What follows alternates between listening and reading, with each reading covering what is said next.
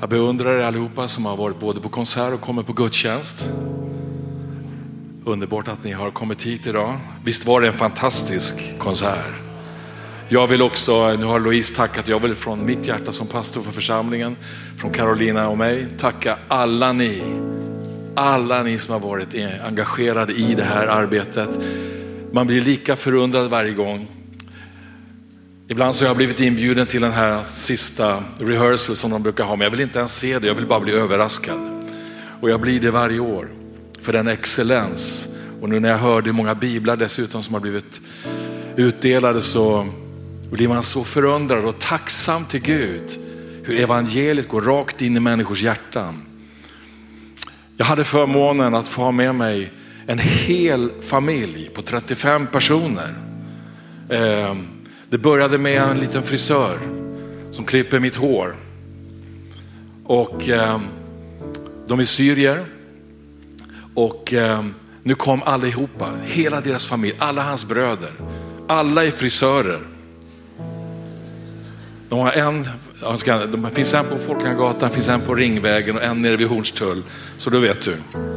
Men de var så tagna i sina hjärtan. Hon, mamman, den äldsta i familjen, hon satt här och torkade sina tårar hela tiden.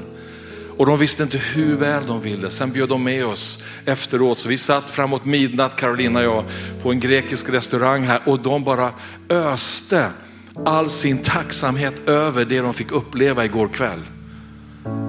De var så tacksamma. Det var en sån glädje. För i den här restaurangen fanns det inte plats för någon annan än bara deras familj. Så det var högt i tak, verkligen. Och jag måste säga att Aidas vittnesbörd, det är egentligen, det är egentligen predikan den här dagen. Ditt liv Aida, det är predikan den här dagen. Våga drömma. Du drömde om ett mirakel och du fick se det. Med titeln på min predikan idag, det är att våga drömma. Om det är så att du kanske aldrig har besökt vår församling tidigare, du kanske inte ens har hört Guds ord predikas. Om du i alla fall ska få med dig någonting från den här gudstjänsten idag och det är att du ska våga drömma om en förändring i ditt liv. Att drömma, det tror jag, oavsett om man är kristen eller inte, så vill man drömma. Drömma goda drömmar, man vill se saker och ting hända, eller hur? Jag träffar Carolina, det här är, jag har inte börjat predika än. När jag var 14 år och hon var 12. Jag började drömma om att hon skulle bli min fru. När jag var 14 år gammal. Och eh, jag vet att min son hade precis, han hade precis samma historia. När han såg Louise så började han drömma om henne som sin fru. Och han sa till mig och Carolina, får jag inte henne då kommer inte jag vara gift. Jag kommer aldrig gifta mig. Jag sa precis likadant. Vet du, jag lever min dröm varje dag. Vet du hur? Jo, jag vaknar upp tillsammans med min dröm. Jag går och lägger mig tillsammans med min dröm. Jag talar om Carolina nu. Jag lever i min dröm varje dag. Det är precis det Gud vill att du ska göra. Du ska leva din dröm varje dag. När du får möta Jesus, när Jesus förvandlar ditt liv, där du hör det här vittnesbördet om hur Gud helar en total omöjlig situation. Vet du, då börjar du leva din dröm. Vad ska inte hända genom Aidas liv? Vad ska inte hända genom de människorna som hör det här vittnesbördet? Gud är god. Amen. Så vet du, vi ska aldrig sluta drömma. Amen. Säg det till grannen, jag ska drömma hela mitt liv. Amen. Så våga dröm. Amen. Låt oss ge Jesus ytterligare en applåd. Bara tacka honom, prisa honom, tacka honom för hans storhet, hans nåd, hans kärlek. Vet du, Gud han lever sin dröm. Det som predikas under de här veckorna fram till jul, det är den drömmen Gud hade för att sätta dig och mig fri. Att Jesus skulle födas in i den här världen. Det var hans dröm. Gud gick och väntade på det perfekta tillfället för att sända sin son Jesus Kristus. Han står idag med uträckta händer för dig. Han älskar dig. Ja, men han känner inte mig, säger Jo, han känner dig därför att han har skapat dig. Amen. Så har du din bibel med dig så låt oss gå till Lukas kapitel 1. Vi ska läsa ganska många verser där, 20 verser. Lukas kapitel 1 från vers 5. På den tiden då Herodes var kung i Judeen så fanns i Abias prästavdelning en präst som hette Sakarias. Hans hustru var av Arons släkt och hette, hans hustru var av Arons släkt och hette Elisabet. Båda var rättfärdiga inför Gud och levde fläckfritt efter alla Herrens bud och föreskrifter, men de hade inga barn eftersom Elisabet var ofruktsam och båda var till åren. En gång när turen kom till Sakarias avdelning och han var i tjänst som präst inför Gud så fick han vid prästernas sedvanliga lottning uppdraget att gå in i Herrens tempel och tända rökelseoffret. Vid tiden för rökelseoffret stod allt folket utanför och bad. Då visade sig en Herrens ängel för honom stående till höger om rökelsealtaret. Sakarias blev förskräckt vid synen och han greps av fruktan. Men ängeln sa till honom, var inte rädd Sakarias, din bön har blivit hörd. Din hustru Elisabet ska föda en son åt dig och du ska ge honom namnet Johannes. Han ska bli din glädje och fröjd och många ska glädja sig över hans födelse, för han ska bli stor inför Herren. Vin och starka drycker ska han inte dricka och han ska bli uppfylld av den helige ande redan i moderlivet. Många av Israels barn, de ska omvända sig till Herren deras Gud. Han ska gå före honom i Elias ande och kraft för att vända fädernas hjärtan till barnen och ge dem trotsiga ett rättfärdigt sinne och skaffa åt Herren ett folk som är berett. Då sa Sakarias till ängeln, hur ska jag kunna vara säker på det? Jag är gammal och min hustru är till åren. Ängeln svarade honom, jag är Gabriel som står inför Gud och jag är sänd för att tala till dig och ge dig detta glädjebud. Nu ska du bli stum och inte kunna tala förrän dagen då det sker, därför att du inte trodde mina ord. De kommer att gå i uppfyllelse när, tiden, när deras tid är inne. Folket de stod och väntade på Sakarias och de undrade varför han dröjde så länge inne i templet. När han sen kom ut kunde han inte tala till dem och de förstod att han hade sett en syn i templet. Han gjorde tecken åt dem men han förblev stum. När dagarna för hans tjänstgöring var över så återvände han hem. En tid därefter blev hans hustru Elisabet havande och hon drog sig undan i fem månader och sa, detta har Herren gjort med mig. I dessa dagar såg han till mig och tog bort min skam bland människor. Amen. Fader, jag tackar dig för att du talar genom ditt ord, Herre. Jag tackar dig för, för att ditt ord inte ska gå förbi någon, Herre. Utan jag tackar dig Fader för att det ska gå rakt in i varje hjärta. Jag ber i Jesu namn. Amen. Det här är en fantastisk berättelse. Det handlar om två hjärtan som längtade hela livet efter någonting som alla människor, mer eller mindre, längtar efter. Det är att få barn. Men av någon anledning så hade det inte skett. De hade inte fått något barn. Det var någonting som stod i vägen för deras absolut största dröm i livet. Det kanske var en medicinsk förklaring, det är möjligt. Men enligt Bibeln så fanns det inga fel på Sakarias och Elisabets sätt att leva sina liv. Precis tvärtom. Det står att Bibeln beskriver de här två människorna som fläckfria i den bemärkelsen att de levde efter alla Herrens bud. Det står alla. Det här säger någonting om de här personerna. Det säger någonting om Sakarias och Elisabets hjärtan. De kände Guds lag. De hade fattat ett heligt beslut att leva efter den. De var med andra ord överlåtna Gud och de var överlåtna Mose lag. Allt fanns skrivna i deras hjärtan. Men trots det här så fanns det en brist i deras liv. Det var någonting som saknades. De hade inga barn. De var ofruktsamma. Kanske finns det fler som känner igen sig här. Det var troligen en otroligt stor sorg de hade lärt sig att leva med. Och med den här sorgen så levde de också med en skam som fanns vid den här tiden när man var barnlös. De hade säkert under åren som gått hoppats på att få barn, men gång på gång så hade de upplevt den här sorgen av att det inte hade slagit in. De hade troligtvis sett sina vänner och släktingars glädje när de fick sina barn. Det var säkert inte lätt att bara gratulera sina släktingar och vänner när de fick sina barn. Därför här, den här besvikelsen, kanske sorgen fanns i deras hjärtan. De kände den här smärtan och varje gång någon annan fick ett barn fick de bara, bara svälja ner den här känslan av att det var någonting som saknades.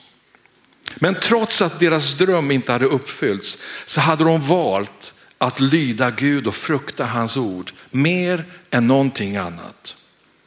Jag tror att både du och jag har varit med på det här, ett liknande sätt någon gång i livet. Jag menar att vi har hoppats eller kanske drömt eller bett om någonting, men det blev inte som vi hade tänkt. Det blev inte som vi hade hoppats.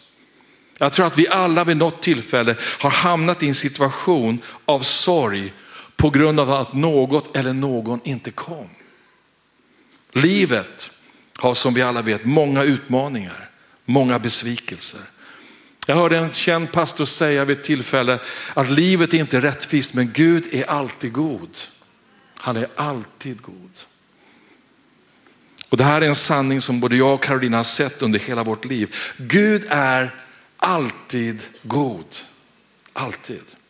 Han älskar dig. Han älskar dig med en obeskrivlig kärlek och han har bara goda tankar och planer för dig och ditt liv och för din familj. Men historien om Sakarias och Elisabet, vad är det? Jo, det är ett kärleksbrev till dig och till mig den här julen. Det är ett kärleksbrev som är skrivet för att du ska fortsätta att prisa och ära Gud oavsett om du har sett dina drömmar gå i fullbordan eller inte. Gud är trofast. Det är därför du kan lägga ditt liv, din familj och din framtid i Guds händer och du behöver aldrig någonsin oroa dig. Jag såg någonting i det här vittnesbördet från Aida. Hon hade ingen oro. Det är vittnesbördet från hennes vänner. Hon var inte orolig. Hon var medveten. Hon hade en visshet i sitt hjärta att drömmen skulle gå i uppfyllelse. Hon skulle få sitt helande. Amen.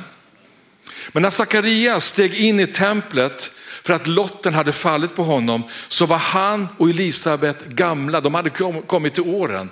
Det var inte naturligt och logiskt för dem att kunna få ett barn. De hade fått acceptera sin barnlöshet och på bästa sätt hantera skammen som de kände. Men just då, när allt hopp var ute rent mänskligt sett, då händer det här ofattbara. Det som vi redan har hört om. Aidas liv, det är min predikan idag. Aidas liv, det ger hopp till dig, eller hur? Amen. Turen kommer till Sakarias vid den sedvanliga lottningen att som präst gå in i Herrens tempel för att tända det här rökelseoffret. Och det hände bara en gång i livet för de här prästerna. Men just vid det här tillfället så händer det här. Och nu pratar inte jag om en trisslott.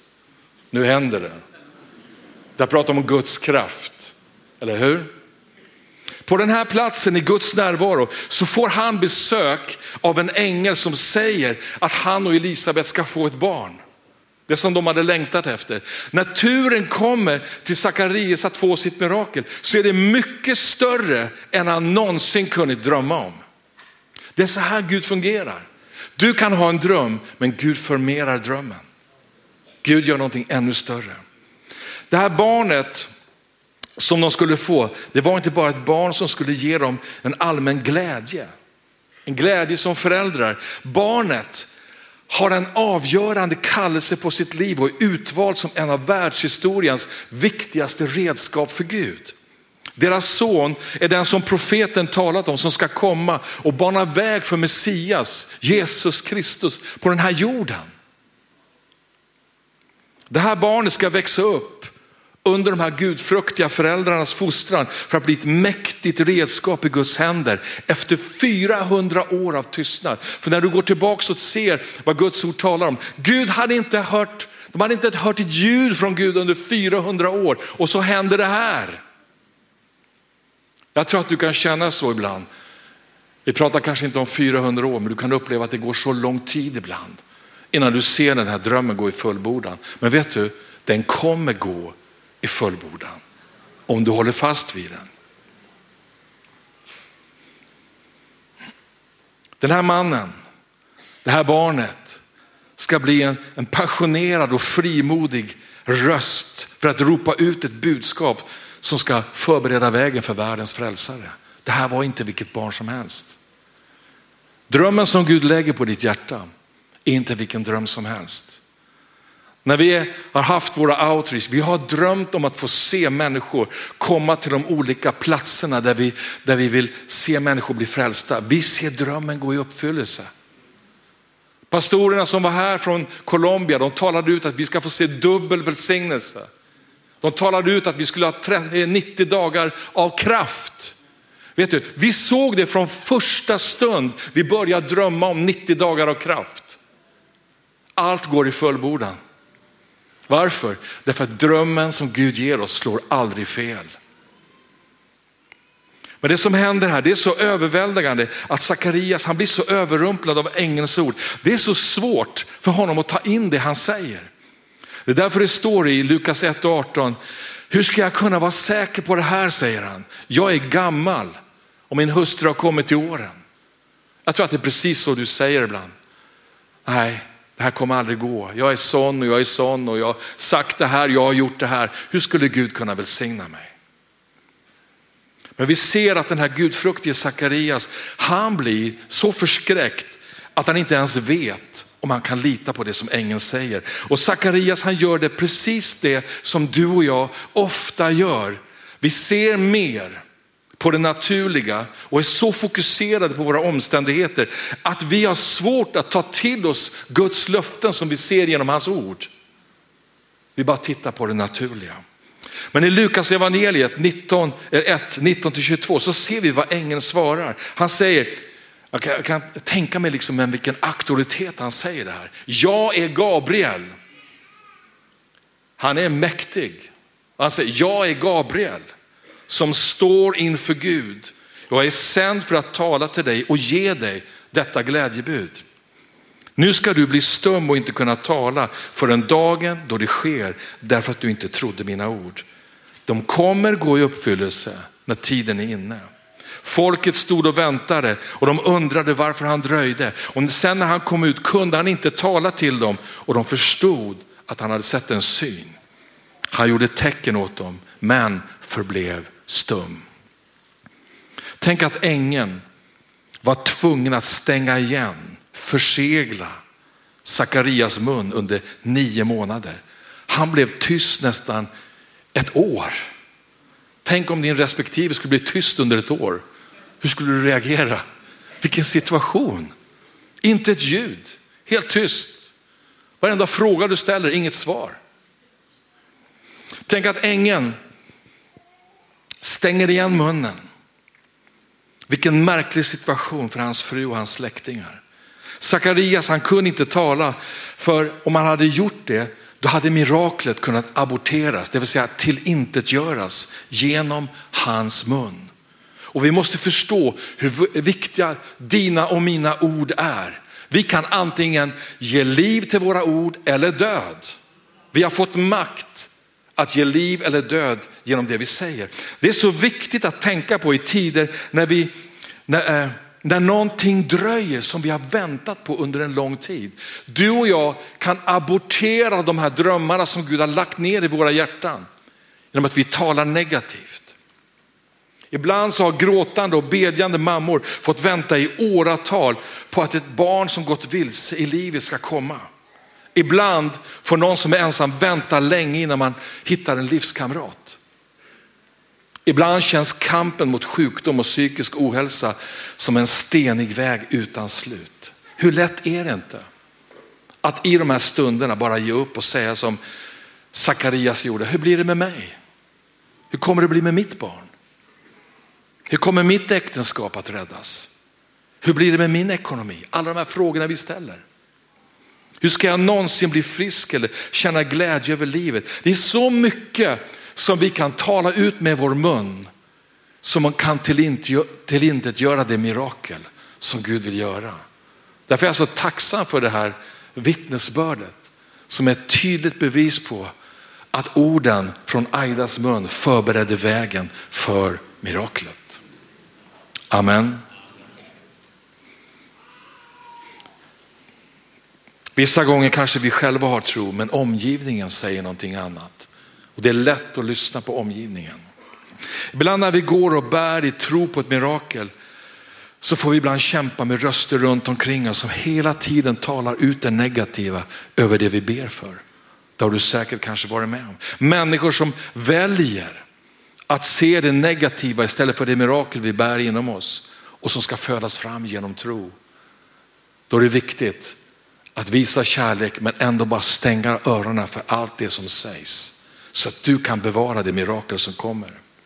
Ängeln var tvungen att tysta ner Sackeus eftersom hans ord av tvivel, det hade kunnat abortera det Gud ville göra i hans liv. Gud var med andra ord mer angelägen om att Sakarias skulle få se sitt mirakel än vad han själv var. Lukas 1 och 24-25 säger, en tid därefter så blev hans hustru Elisabet havande och hon drog sig undan i fem månader och sa, det här har Herren gjort med mig. I dessa dagar såg han till mig och tog bort min skam bland människor. Det här säger mig att Gud är mer angelägen om att vi ska komma in i hans plan och syfte med våra liv än vad vi många gånger är själva. Det är så.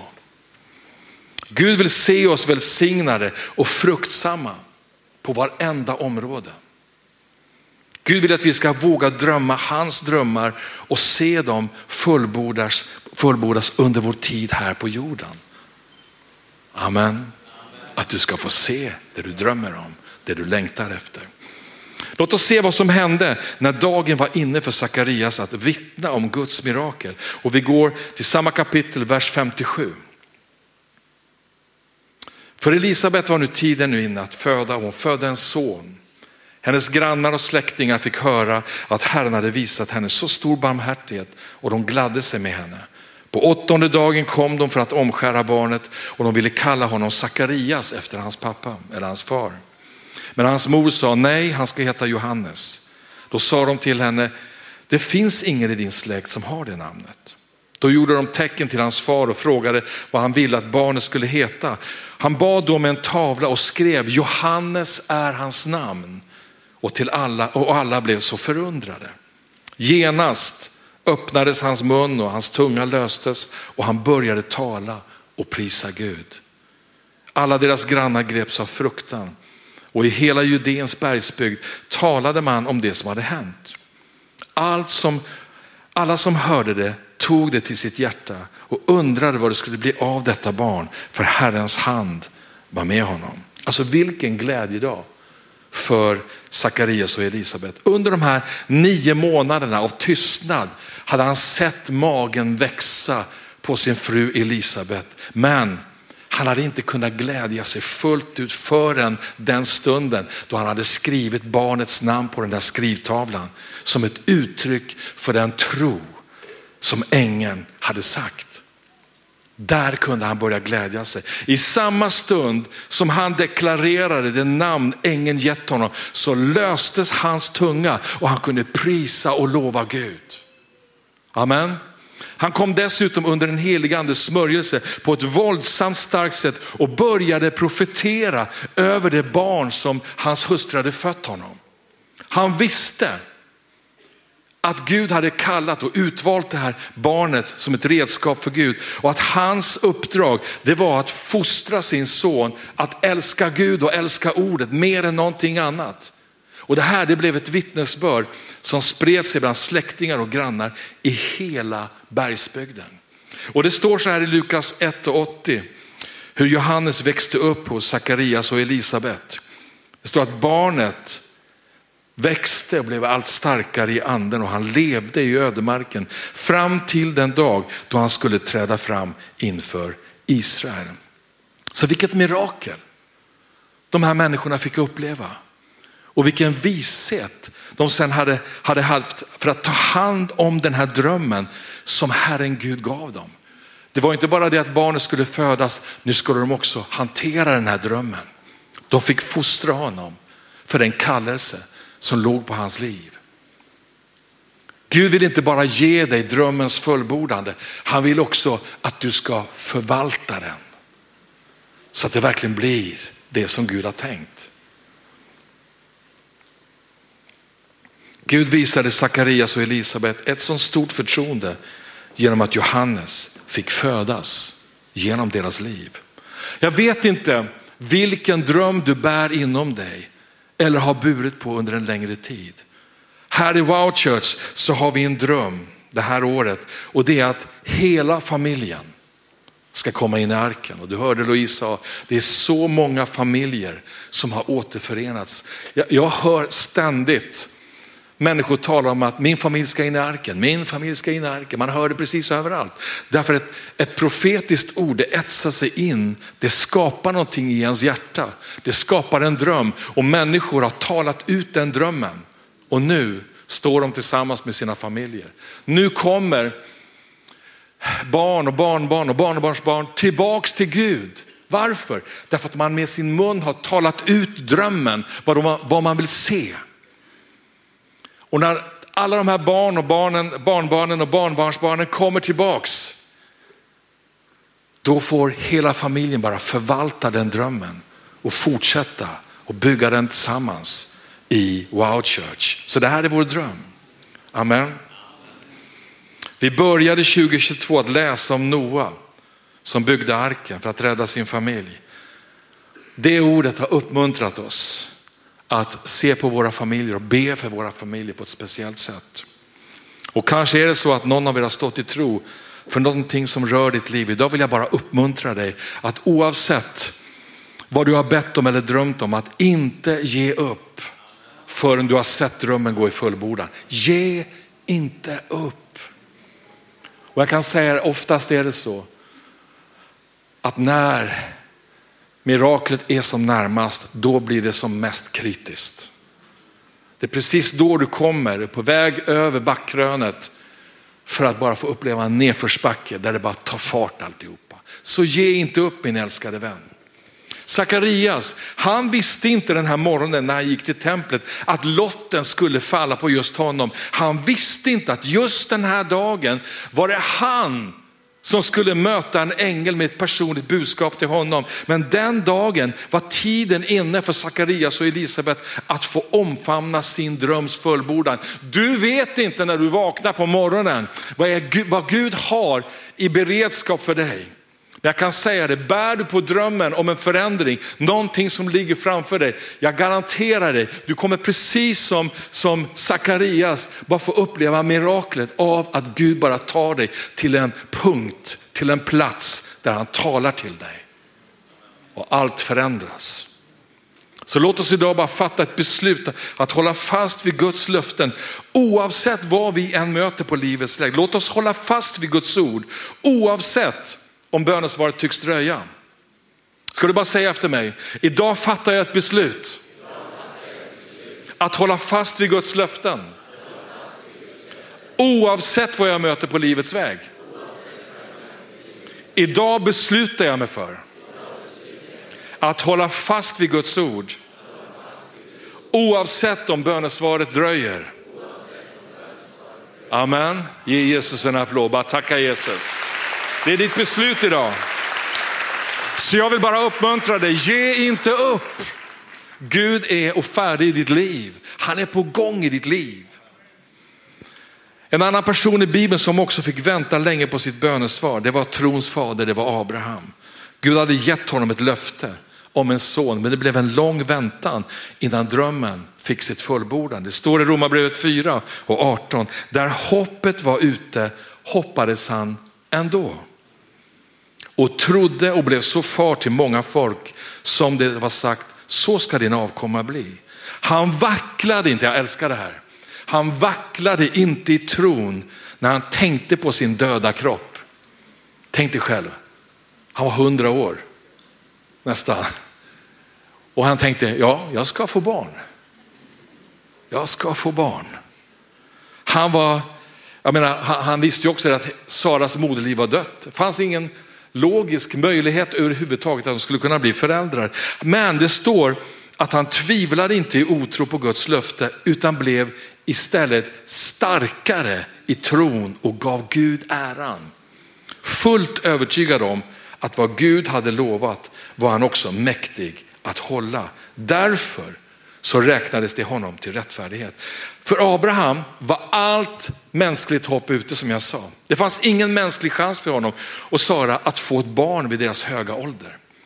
Men inte ens det här medicinska och kroppsliga faktum kunde hindra Abraham att tro på Gud. Det är dit vi måste sträcka oss. Abraham valde att inte se på sina egna och Saras kroppsliga svagheter, utan vad gjorde han? Han lyfte sin blick och såg på Gud istället. Det är det du och jag får göra. Vi får bara höja blicken, se på honom. Vi måste precis som Abraham förstå tacksamhetens betydelse när bönesvaret dröjer. Tacksamheten är så otroligt viktig. Vi måste förstå att tacksamhet, lovprisning och tillbedjan från våra läppar vidrör Guds hjärta. Det är därför vi behöver bara vara i Guds närvaro och bara prisa honom för att drömmen som vi bär på ska gå i fullbordan. Det här aktiverar trons kraft i våra egna liv. Det löser ut våra mirakler. När du tillber och prisar Gud så rör det vid Guds hjärta och det rör vid tron i ditt eget liv. Ibland så måste vi komma till den här punkten att vi inser att det är bara Gud som kan göra mirakler på det sätt som han vill. Vi får helt enkelt bara lägga ner alla våra egna försök och ansträngningar. Vi får lägga det vid korsets fot och bara lita på honom när allt hopp känns ute. Så låt oss göra som Abraham gjorde när bönesvaret dröjer. Låt oss prisa Gud så blir vi starkare i vår tro. Amen. Vi går strax in i ett nytt år. Det är bara några veckor kvar. Låt oss inte avsluta det här året 2022 i oro och i fruktan. Låt oss istället lita på att Gud kommer ge oss det svar vi bett om i rätt tid. Amen. Om du fortfarande inte har sett din familj komma in i arken, vet du? Det finns tid kvar. Gud kommer aldrig ge upp. Drömmen kommer vara levande. Håll den levande. Håll grytan kokande. Amen. Gud hör dig när du ber. Psalm 1, 1-3 säger att salig är den som inte följer de gudlösas råd, som inte går in på syndares väg och sitter bland föraktare utan har sin glädje i Herrens undervisning och begrundar hans ord både dag och natt. Han är som ett träd planterat vid vattenbäckar som bär sin frukt i rätt tid och vars löv inte vissnar. Och allt han gör det lyckas väl. Vilken underbar, vilka underbara bibelverser att bara meditera på i den situationen du står på. Gud kommer låta oss bära frukt i rätt tid. Han vet Gud vet när rätta tiden är inne. Gud vet när du får det perfekta tillfället att tala till de som är i din familj. Gud vet exakt när din mamma eller pappa, eller dina barn eller barnbarn är öppna för att du bara talar rakt in i deras hjärtan. Som många gjorde, tog dem till julkonserten igår. Det var många hjärtan som öppnades under gårdagen. Som kanske har varit stängda i åratal. Låt mig avsluta med ett sista ord till dig som tycker att din väntan på ditt bönesvar har varit allt för lång. Står det i Jeremia 17 och 5 och framåt. Så säger Herren, förbannad är den som litar på människor och söker sin styrka i det som är kött, det vill säga det som är människor och vars hjärta vänder sig bort från Herren. Han är som en torr buske på heden och får inte se något gott komma. Han bor på brända platser i öknen, på saltjord där ingen bor. Så här lever många människor när man inte har Gud i sitt liv. Men det står välsignad är den som litar på Herren och har Herren till sin trygghet. Han, han är som ett träd planterat vid vatten som sträcker sina rötter till bäcken. Det fruktar inte när hetta kommer. Dess löv är alltid gröna. Det oroas inte under torra år och det slutar aldrig att bära frukt. Det är så livet med Gud är. När rötterna sträcker sig ner till det friska vattnet, det vill säga Guds närvaro. Där vi inte förlitar oss på vad människor säger i första hand, utan vi förlitar oss på det som ordet säger. Guds löften. Amen. Så låt oss den här andra advent fatta ett beslut att vi ska inte söka styrka i det som är kött, det som är mänskligt, utan istället bara sätta vårt hopp till Gud. Låt oss fatta ett beslut att alltid lita på Gud i allt. Amen. Låt oss ge allt det vi oroar oss för till Gud så här i slutet av året. Låt oss lämna all besvikelse, all oro och ängslan. Låt oss lämna våra sjukdomar och all ekonomisk brist, alla relationsproblem och bara lägga allting vid Jesu kors. Tänk vad skönt det är. Jag vet inte om du någon gång har fotvandrat eller gått upp i bergen. Det finns inget skönare när man har gått en lång vandring och bara lägga av sig ryggsäcken, sätta sig ner och ta en kopp kaffe och bara känna hur kilorna bara lättar från ryggen när man lägger av sig ryggsäcken. Kanske har du varit med om det. Kanske har du sett Kanske har du sett ett tv-program där man kämpar och där man försöker liksom åstadkomma någonting och man lägger bara tyngder på människor för att se hur mycket de klarar. Vet du, du behöver inte bära ett kilo, ett gram av din oro. Du kan lämna allting till Gud. Allt. Och då menar jag allt. Det är ett beslut vi kan ta innan det här året avslutas. Allt du inte vill ha kvar i ditt liv, ge det till honom.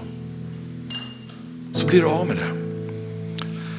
Låt oss resa oss i en anda och tro i Jesu namn och deklarera att vi ska avsluta det här året i seger, kliva in i nästa år med tro på Guds löften på en helt annan nivå. Tror du på det? Amen. Ska vi stå upp tillsammans? Halleluja.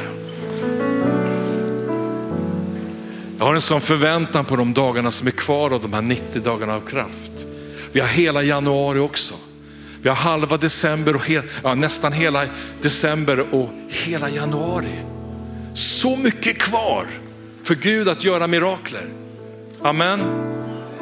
Proklamera varje morgon du vaknar 90 dagar av kraft och du är mitt i den här kraften, smörjelsen, att få se din dröm gå i uppfyllelse.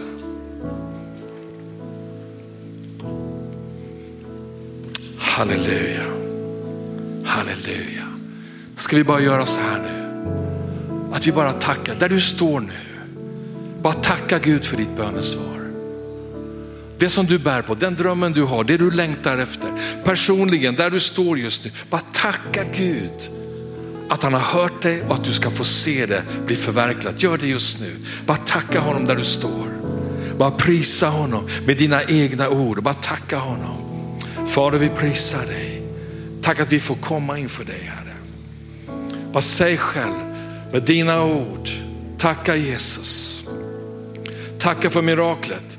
Tacka för miraklet när det gäller din hälsa. Tacka för miraklet när det gäller din familj. Tacka för miraklet när det gäller dina barn och barnbarn. Tacka för miraklet att du ska få se din familj komma in i arken.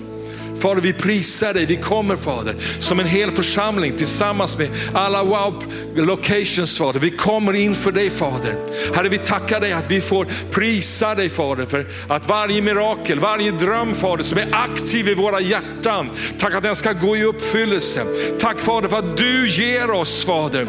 Du ger oss löftenas fullbordan. Vi prisar dig för det Fader. Herre, vi ber den här stunden att vi ska inte ge upp Fader, utan vi ska få se Herre, vi ska få se varje dröm bli uppfylld Herre. Nu hör du varje ord som talas ut Fader från varje person. Nu hör du varje röst, varje ord Herre. Du hör varje, varje hjärta som bara prisar dig nu Fader för fullbordandet av löftena och drömmarna Fader. Nu hör du Fader, du hör varje person. Du hör ropet från varje hjärta Herre. Tack att du är en underbar Gud. Tack att du är en god Gud. Tack att du är en kärleksfull Gud, Herre. Jesus, du hör också dem som ännu inte känner dig. Jesus, din dröm Jesus, det är att de ska få ta emot dig. Så att du får komma nära deras hjärta. Åh Jesus. Ska vi bara göra så här också, att vi bara ber nu. Vi ber över våra egna liv. Vi ber för varje person i vår församling.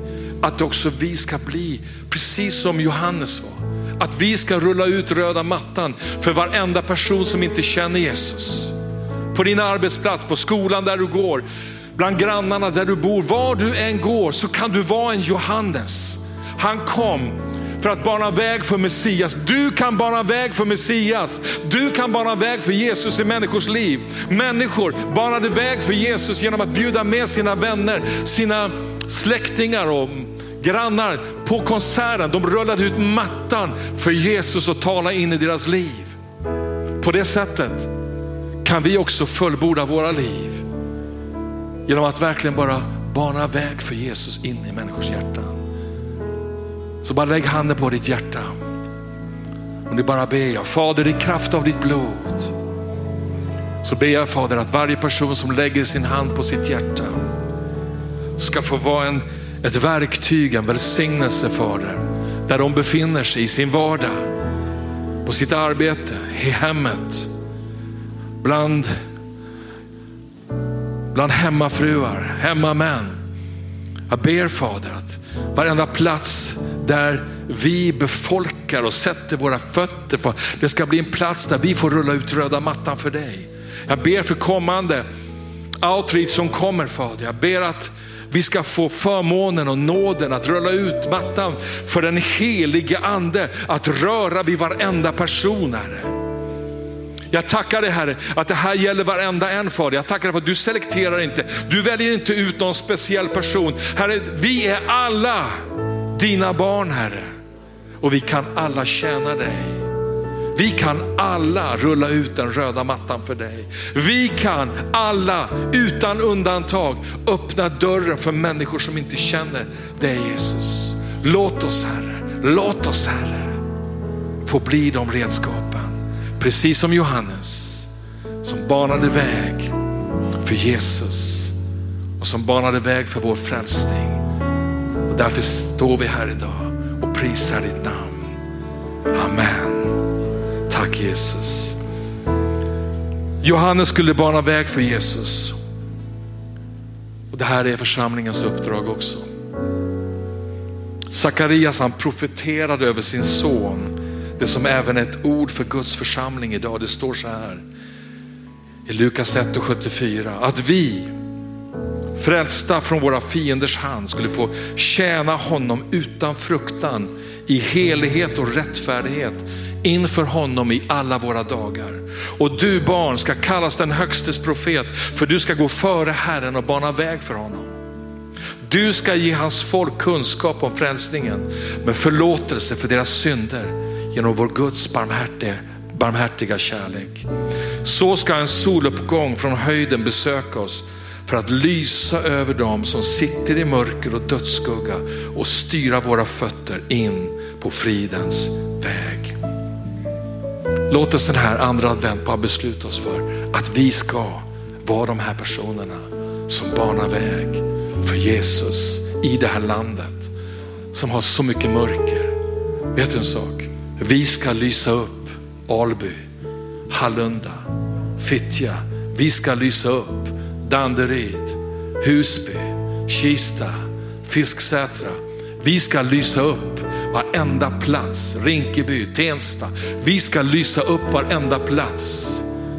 Vi ska sätta våra fötter på varenda plats i den här staden, i det här landet och låta Jesu ljus bara lysa genom oss. Vi är Johannesar i den här tiden. Amen. Prisat vare Gud. Och Gud tror på dig. Amen. Låt oss bara böja våra huvuden till slut.